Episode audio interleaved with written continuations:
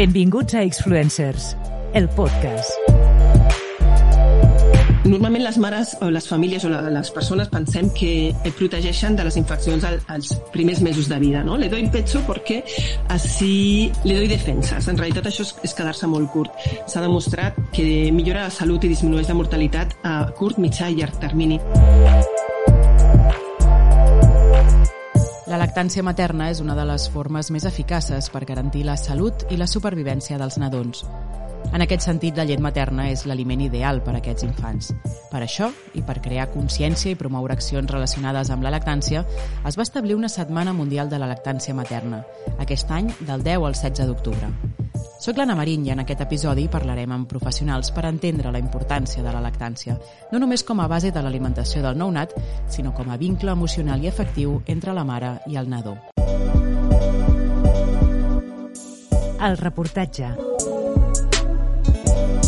Vam començar lactància materna a sala de parts i, i no vam tenir grans dificultats, però sí coses normals de clivelles al principi, de preses una miqueta dolorosas. Nos aconsejaron venir a este grupo de lactancia y hemos visto que en realidad todo el mundo tiene las mismas dudas o parecidas y sobre todo la experiencia de otros eh, nos ha ayudado ¿no? en entender pues, qué es normal, qué no es normal o qué es síndrome de alarma. Bueno, confirmar dubtes que tenim eh, o no, incertidumbres i, i coses que creiem però no estem, no sé, com no tenim la xarxa necessàriament per eh, saber que és normal i al final és un espai de recolzament. És molt veure la normalitat de les altres famílies no? amb bebès perquè, perquè hi ha idees socials o coses que es pensen o que es diuen i, i després veus les diferents realitats i dius, ah, vale, és que això que m'està passant és totalment normal i això et dona molt, molta, molta seguretat, yo creo. Los grupos de, de apoyo a la lactancia son grupos eh, muy interesantes que ayudan a hacer algo que nos falta, que es un poco la tribu, ¿no? Rocío Garrido, llevadora, coordinadora en funcions de la CIR Esquerra i consultora de lactància. ayudan a, a, que te sientas recogida y acompañada. Sí que hay una persona que es la, la, guía, la mediadora, pero en realidad los grupos de lactancia se nutren de las propias madres. Esa madre que tuvo muchos problemas de lactancia y ahora cuando su hijo tiene un año y medio vuelve otra vez y le cuenta, pues mira, si es que a mí me pasó, yo hice no sé qué. Eso es un grupo. Entonces luego tienes una persona que modera y que aparte da su, su información. Sònia Garcia, llevadora de la Cira Esquerra i membre del Comitè de Lactància Materna. És un grup obert, per tant, vol dir que poden venir les famílies quan vulguin, eh, sempre que vulguin, eh, independentment de l'edat que tingui la criatura, però sí que tenen en comú les, les persones que participen que alleten alguna criatura. I el que fem en els grups, al final, és afavorir la confiança, no? eh, que se sentin segures en el que estan, de, del que estan fent i, i oferir un espai de trobada d'iguals. No? Al final compartim inquietuds, necessitats, compartim qüestions que ens neguitegen a, a la majoria. No? I és trobar empatia i en tro trobar també aquest suport social que a vegades és difícil de trobar. No?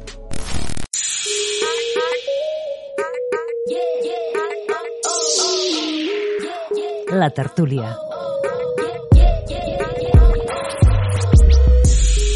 El naixement d'un fill o una filla és una experiència nova i intensa i com a tal fa florar incerteses, dubtes i pors en les mares i famílies. La lactància és una de les primeres proves a superar i si ja és una etapa complicada, les mares lactants han de fer front a un altre repte, sobreviure a les pressions socials i a la manca de suport social i fins i tot familiar.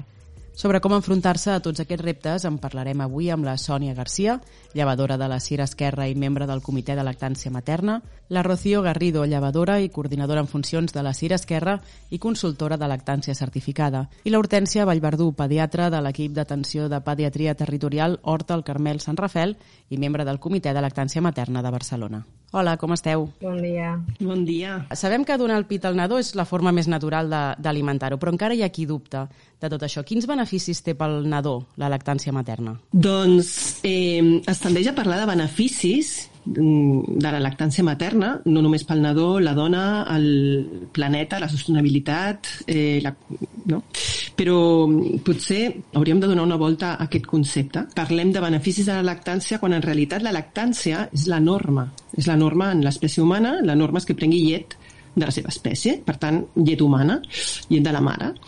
Eh, per tant, com això és la norma, el que es diu el gold standard, eh, tot allò que no formi part de la norma és com com extra, no? I, i aquí entra la, la llet artificial, la llet de fórmula, que eh, pues és una solució a, a, a algunes situacions concretes puntuals quan les coses no van bé o com un suport transitori o com, és a dir, és una gran eina que es pot utilitzar però no és la norma, ni és el que un nadó espera, ni és el que fisiològicament, metabòlicament està preparat per rebre, la llet d'una altra, altra espècie, no? Per tant, eh, jo crec que hem de donar una mica el, el, hem de fer aquest canvi conceptual i pensant els riscos de no fer allò que és normal. És a dir, el normal que fisiològicament, metabòlicament, vincularment necessita un nadó humà és la llet humana i llet de la seva mare. Si no és això, doncs pot haver uns riscos afegits. Per suposat, hem d'anar molt en compte amb, amb això perquè eh, no es tracta de culpabilitzar ni, de, ni de, a, a les dones que perquè no volen, perquè no ho desitgen o per algun motiu no poden o han tingut alguna dificultat que no ha estat ben acompanyada i aquesta lactància no ha anat bé, doncs decideixen o, o, o trien o, o, o van cap a fer artificial. Eh, Clar, parlem d'aquests però... riscos. Quins són els riscos que, que corre vale. un nadó que, que no ha fet lactància materna? Amb aquesta introducció conceptual, doncs, eh, els riscos de, de no alletar per, per un nadó, que també n'hi ha per, no, per mare i per eh, planeta, però per un nadó són múltiples i hi ha molta evidència sobre molts aspectes.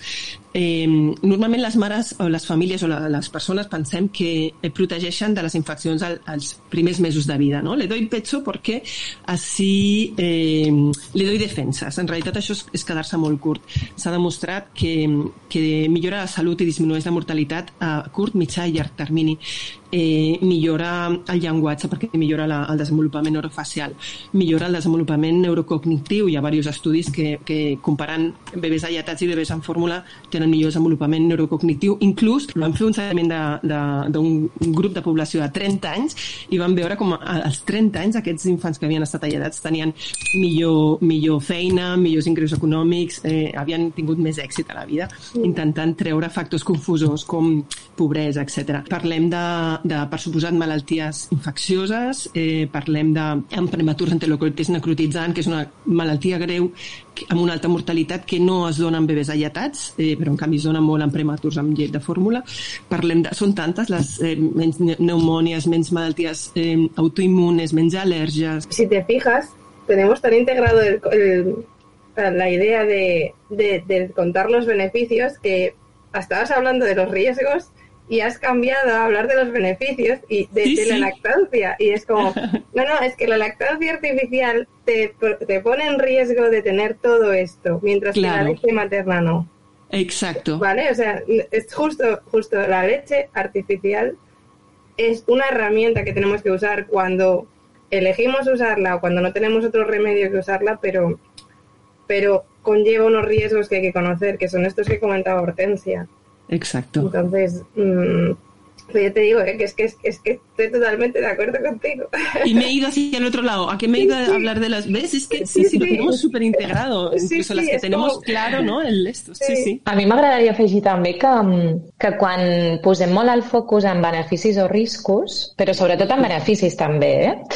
Um, que tu ja ho has comentat una mica, Hortència, no? El que hem d'anar amb cura, amb la culpa, perquè sí, sí, sí. Mm, ens ho trobem tant no? que les, la, algunes persones ho fan pels beneficis, però potser no és un mm. benefici propi, no? No, és un individu, mm. no, és, no, no està suposant un benefici personal, no? Mm. Però hi ha aquesta càrrega no? dels riscos, dels beneficis, i per tant ho faig encara que no és el que m'està el que estic desitjant, no? Llavors, um, em remou també a mi parlar, no? començar parlant de la lactància sempre en beneficis, perquè no ho fem per això, només. O sigui, que és ideal parlar de, de, de pues això, de lo bo que és o, de lo, o del dolent que pot ser el contrari. Però, independentment d'això, ho fem perquè volem. I quan això no està darrere, no? quan el desig no està darrere la lactància, doncs bueno, ja sabeu totes el que això implica, no? I, i bueno, em venia a dir-ho també, no? Perquè moltes persones es queden com enquistades amb això, no? És bo pel bebè? Doncs vinga, endavant, encara que jo ja, ja no voldria fer-ho, no? Clar, parlem bueno. també d'això, eh? en el pla més emocional. Uh, com la lactància pot afavorir o afavoreix el vincle entre, entre la mare i el seu nadó? Uh, yo pienso que la lactancia favorece mucho esto, pero creo que no es solo, no es la lact o sea, creo que el vínculo no depende exclusivamente de la lactancia, creo que la lactancia lo, lo fomenta porque el, el, el, contacto que tienes con el, la criatura es, es, bueno, es muy estrecho y muy frecuente, pero no es exclusivo de la lactancia materna y me parece un poco injusto que se deje como entrever o que se pueda suponer que las personas que no dan lactancia materna no puedan crear unos vínculos y unos apegos seguros eh, con, su, con su criatura. Bueno, porque la lactancia ayuda, cómo se, cómo se realiza la lactancia, pero no es, no es el, el, el elemento principal que genera el vínculo. Creo que, de hecho, seguro, bueno, seguro, supongo que habrá algún caso de un, un vínculo mm, o un apego no seguro que tenga lactancia, supongo, digo yo. Que és molt difícil separar d'un estudi el que, el que està relacionat amb la llet i el que està re relacionat amb l'acte de lleta. Clar, és inseparable, no? Llavors, tu quan alletes una criatura estàs garantint molta mama, no? estàs garantint molt de tu, molt de contacte, molta presència, molta mirada, eh, sempre i quan sigui una lactància que estàs gaudint, no? Um, perquè aquesta lactància, doncs això, ha de ser des d'aquí sempre, però, però, clar, eh, com ho separem, això? Llavors, clar, quan mirem els beneficis emocionals, eh, és difícil saber si és per aquest contacte o és per la llet. I, i com diu la Rocío, també totalment d'acord, no? Eh, probablement molts dels beneficis en, el, en la vinculació, en la connexió, doncs en la salut mental, no? en, doncs, en l'estrès, en els trastorns mentals, no? que s'ha vist que, que hi ha més beneficis en la lactància materna, Potser, i això ho dic amb molt, a, amb molt de tacte eh, i des de la incertesa total, potser és perquè, doncs això, quan dones el pit ha aquesta garantia de presència i de com s'ha donat el vivero fins ara, no? Perquè ara també es treballa en que el vivero es pugui donar d'una altra manera precisament per cuidar això no? Perquè, bueno... Primer que, clar, he començat jo amb el discurs de, dels riscos de la fórmula, però jo també estic totalment d'acord amb vosaltres i penso que, que de vegades és un error que quan reps una mare puerpera total eh, amb el seu nadó, amb la seva vulnerabilitat, està clar que per un costat ha de tenir la informació, tenen eh, el dret de tenir informació, però el que no es pot fer i no, no es pot rebre és perquè si li das biberon, bla, bla, bla, bla. No, és a dir, no estàs en aquest punt de rebre això. Això com a sanitàries ho hem de saber, hem de saber-ho i, i totes les persones que treballem amb mares i nadons ho hem de saber. Però potser que aquesta no és la manera. I jo estic totalment eh, mm, convençuda de potenciar la lactància des del plaer el gozo, no? és a dir, sabent que a l'inici pot haver dificultats que han de rebre un acompanyament exquisit, no només en, en l'aspecte tècnic, sinó en l'aspecte emocional, comunicatiu, perquè pots eh, saber molt d'alletament, de posicions, però necessiten, les dones són material sensible, les dones puèrperes són material vulnerable i s'han de saber acompanyar des d'una mirada eh, emocional molt especial i amb molta cura. I per tant no pots arribar i dir, si has biberon, ta, ta, ta, ta, i de major tindrà obesitat, i no. Eh, I reivindicar molt el plaer, el plaer de lletar, però també el, el plaer de maternar amb el cos, és a dir, es pot donar el biberó com tu ja estaves introduint, d'una manera eh, molt amorosa, no? agafant, mirant, cantant, tocant, contacte pell amb pell, eh, sense que sigui glup, glup, glup, se come 5 minuts, no? És a dir, intentar gaudir del moment, estimular reflexes del nadó i canviar de posició a mitja toma, fer pauses perquè sigui la cosa més propera eh, i vincular, alimentar-se és, és, és vincle també, no és només ingerir. La lactància no és ingerir això és un error. Eh, I per tant, donar, donar tot aquest suport pel tema acompanyament emocional. En certa manera això és el que feu vosaltres en els, en els grups aquests de lactància, no? Fer tot aquest més enllà de dubtes eh, tècnics que puguin tenir en el moment de l'agafada, la, el que feu en canvi a la fi és això, no? és aquest acompanyament a, a les mares eh, lactants en aquest procés. Sí, sí, sí. O sigui, Bueno, no sé vosaltres, eh? però clar, jo en, en aquests anys també, no, de facilitant el grup de suport a la lactància, el que, el que passa moltes vegades és aquesta doncs que necessita, necessiten ser acompanyades en aquesta part, sobretot. No? Més enllà, com dius, Anna, no? de la part tècnica, que també, i, i hi ha casos que sí que necessitaran molt de suport, però que llavors ja no són casos tant pel grup, no? sinó que seran casos que potser veiem més a nivell individual, però, però en el grup es comparteix molt des d'aquí, no? des d'aquestes inquietuds, no? de, dels judicis que reben, no? els qüestionaments, el, el sentir-se bona o mala mare, el sentir que ho estàs fent malament, no? el sentir que no ho fas prou bé... Uh, parlant de lactància, eh? Ah, sí. Això també és criança, Evidentment, no? Però, amb la criança però, passa absolutament amb tot, però en aquest cas eh, ens centrem però en la en aquest lactància. cas, no?, que ens centrem en la lactància, no? A vegades se senten com molt sobrepassades, no?, pel que representa. I, i depèn del moment en la lactància que es troben, doncs també doncs això, no?, dels qüestionaments. Ja que parlaven dels riscos, no?, del vincle, de la part emocional, doncs si fas poc, si fas massa, no? si això pesa, els hi pesa molt. No? Jo crec que és com un refugi de validar el grup. No? Quin pes- I que ho estem fent bé, estem totes aquí no? i ho fem tan bé com podem i, i jo crec que ajuda molt a reforçar això, que, que el que fan primer és normal, està superbé i, i poden fer el que els hi doni la gana. No? Mm, Quin pes creieu que té la, la societat eh, en l'abandonament de la lactància o fins i tot en, en la decisió de no fer lactància materna a algunes d'aquestes mares, no? Sentia parlar de que si donar el pit és molt esclau, que si el tens tot el dia en braços i l'estàs malcriant, la pressió estètica Mm. fins i tot de dones lactància i després eh, els pits et cauran. Eh, quin, creu, quin pes creieu que té tot això en les mares? Hombre, Molt. a ver, creo que es, es que es que es un problema más profundo que en relación a la mujer y cómo se nos juzga la sociedad en todo lo que hacemos. Eh. Pero esto viene desde, desde años atrás, ¿sabes? Entonces, creo que viene por el, por el hecho de ser mujer y por el hecho de, de convertirte en madre. Pero madre primeriza, madre que ha parido por segunda vez o tiene más hijos, cualquier acción en nuestra sociedad eh, eh, es juzgada. Si le das biberón, porque le das biberón. Si le das Mm. teta, porque le das teta. Si le das teta y biberón, porque le das las dos cosas. Si le das teta más tiempo de él es mm, ah, socialmente aceptado, porque le das más. Si le das menos, porque le das menos. Entonces, pero es que no solo es en el ámbito de la lactancia, en general es desde el momento cero en el que te embarazas. De, porque Mm. te embarazas a esta edad y no a otra, porque no te embarazas todavía, eh, porque mm, resulta que vas a parir así y no Mm. vas a parir asado.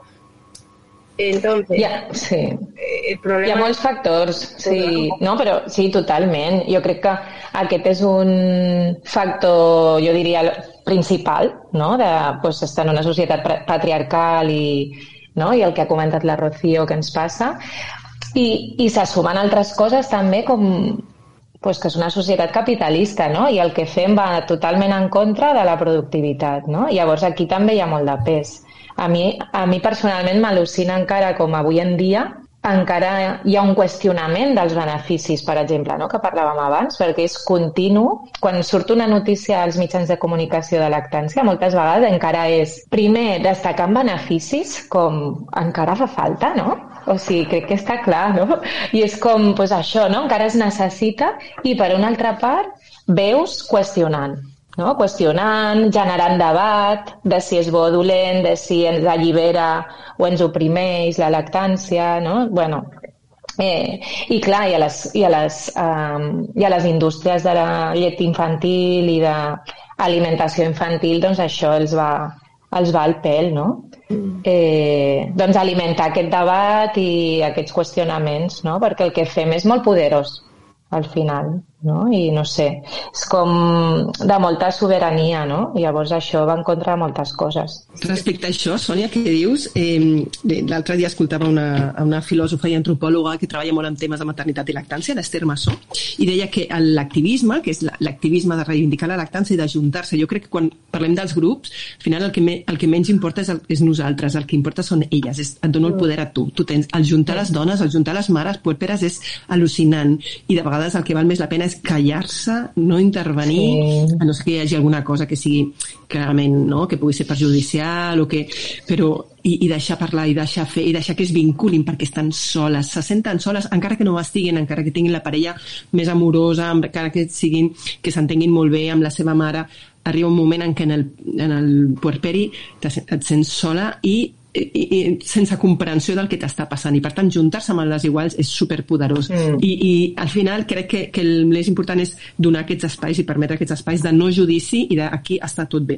I, i referent al que deia de l'Esther Massó d'aquesta antropòloga i filòsofa deia que l'activisme és un exercici de, de, de cultura de la pau, de la cooperació i de l'ecologia perquè involucra valors d'altruisme, de solidaritat recíproca perquè les dones en aquest moment volen ajudar-se.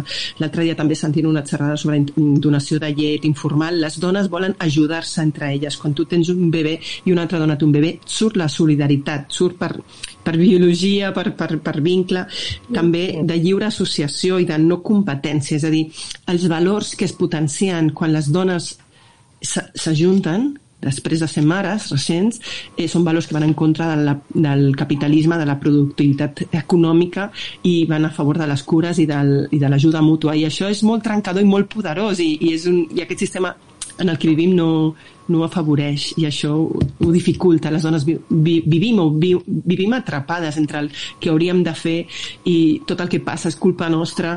És, és un tema molt complex i molt profund, com dieu, per, per la societat patriarcal i capitalisme en la que, i capitalista en la que vivim. I és molt difícil eh, trencar això, però juntar-se i permetre, i donar, permetre els espais, potser no hauríem d'existir els grups de suport a l'alletament.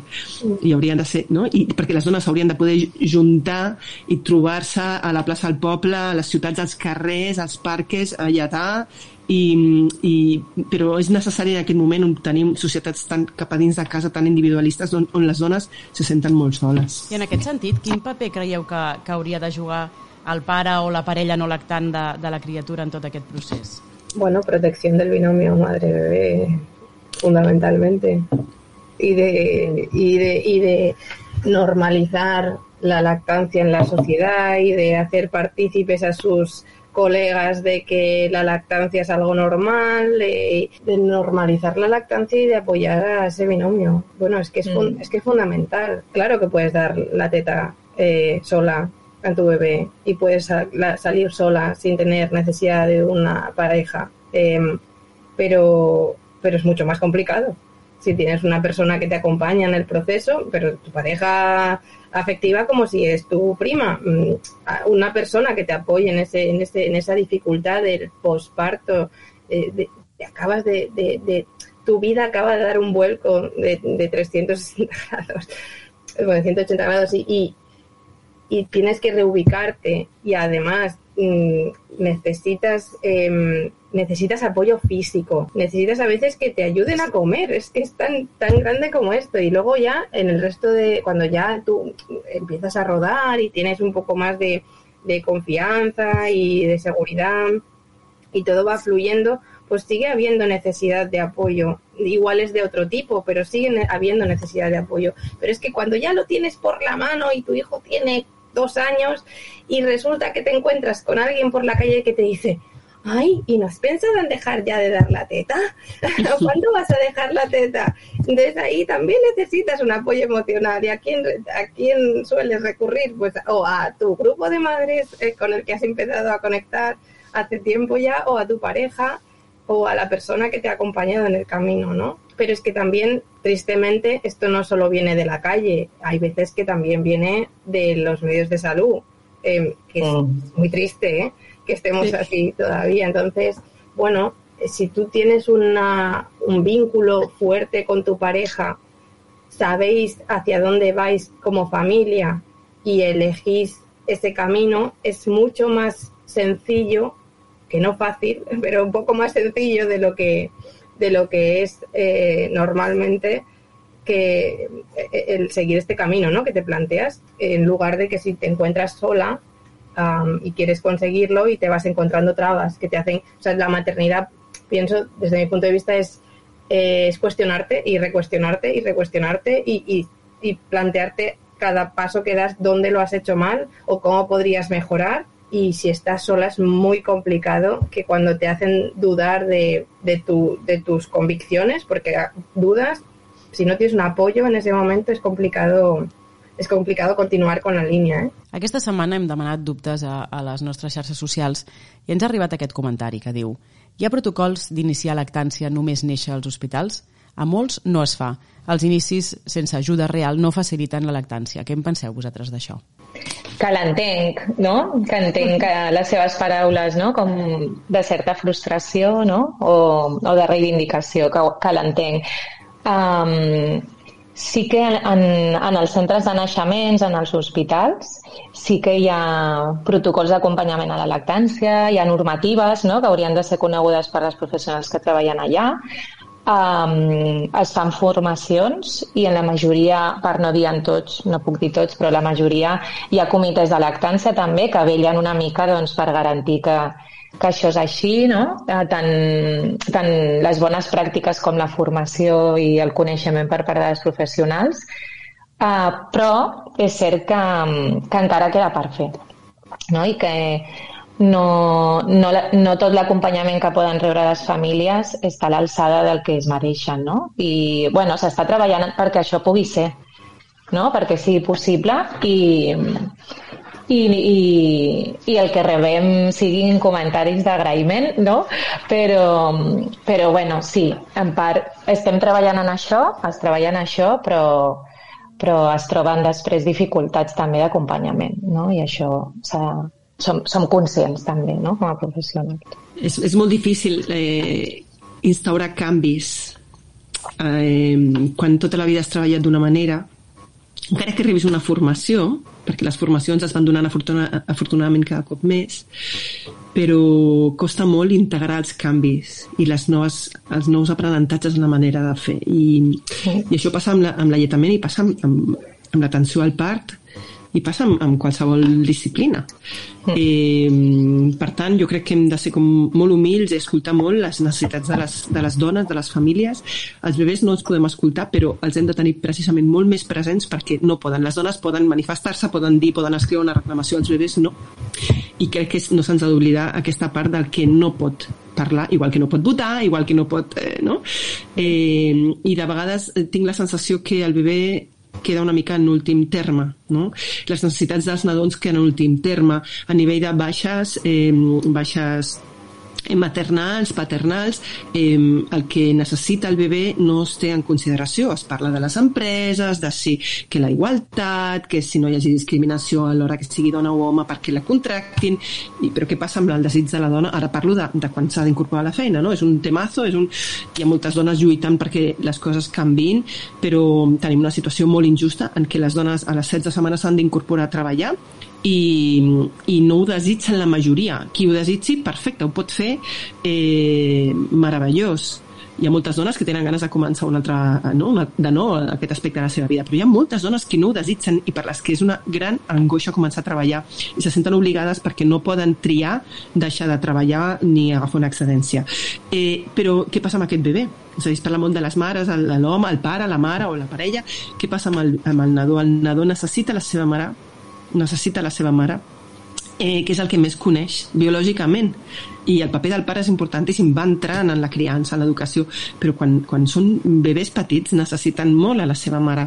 I, i això és un problema, que els bebès no els escoltem, no, no, no, no els tenim tot el presents que, que hauríem de tenir-los. Crec que, que podríem estar hores i hores parlant sobre això i, i no sé si arribaríem a la conclusió de, de com arreglar tot això, però el que sí que està clar és que és que vosaltres seguiu lluitant i nosaltres des d'aquí també i espero que totes les mares eh, també ho fagin. Sònia Garcia, Rocío Garrido i Hortència Vallverdú, moltíssimes gràcies. Gràcies. Moltes gràcies. gràcies. Avui a la punt de recerca Rosa Cabedo, llevadora de la CIR de Granollers i referent de recerca de Metro Nord i investigadora de l'IDIAP Jordi Gol, ens parlarà sobre un estudi que relaciona la lactància amb el medi ambient. Avui us presento el projecte Green Mother, el projecte premiat amb un peris de la Generalitat de Catalunya. Nosaltres sabem que la lactància materna és el millor per al nadó, el millor per la mare i el millor per la societat. Ara, en aquest projecte, volem demostrar que la lactància materna és el millor pel medi ambient. Tenim coneixement que la lactància artificial té una gran petjada a nivell de medi ambient. Necessitem 4.700 litros d'aigua per fer un quilo de llet en pols i la petjada de carboni és molt alta, és 21-22 quilos de CO2 que a nivell de, de consum seria el mateix que fabricar un, un quilo de vedella. Per tant, el que volem veure és quina petjada de carboni té la lactància materna, tenint en compte tots els accessoris que s'utilitzen, el tirallets, els, els empapadors de, de lactància, els protectors, etc. També la nutrició de la mare i també els hàbits de la mare, on va comprar, si és de proximitat, si és ecològic. Amb tot això tindrem una foto de quina és la petjada de lactància materna, quina és la petjada de lactància artificial i podrem fer posteriorment una intervenció eh, de reforç a la lactància materna i demostrant que també la vessant mediambiental ens, ens protegeix. Com n'ha parlat la literatura sobre la importància de la llet materna i del vincle mare-nadó? Una vegada més, el filòsof i escriptor Bernat de Déu ens recomana una lectura per aprofundir-hi.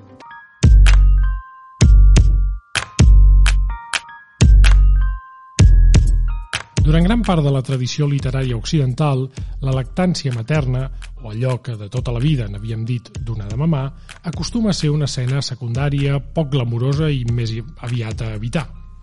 De fet, en moltes novel·les del XIX, com Anna Karenina, veiem com les protagonistes viuen amb estranyesa l'experiència i encara senten més perplexitat quan els seus bebès són alimentats per criadores, un costum eh, molt natural durant segles. No és així en les novel·les contemporànies com ara Beloved, de la Premi Nobel nord-americana Toni Morrison, una obra mestra reescriptura del mite de Medea on s'explica la història cruíssima de Seth, una esclava que mata la seva pròpia filla per evitar que continuï pertanyent als seus amos i que visqui una vida de pena com la seva. En aquesta novel·la, la llet esdevé un personatge més de la trama, i sempre per representar la maternitat, la vergonya i, evidentment, la criança, però també la privació d'identitat col·lectiva i la deshumanització dels esclaus. Beloved potser inclou una de les escenes més pertorbadores de lactància que us pugueu imaginar. La protagonista es troba recordant la seva infantesa quan només podia ser alimentada del pit de sa mare eh, si els nens blancs ja l'havien deixat ben escurat.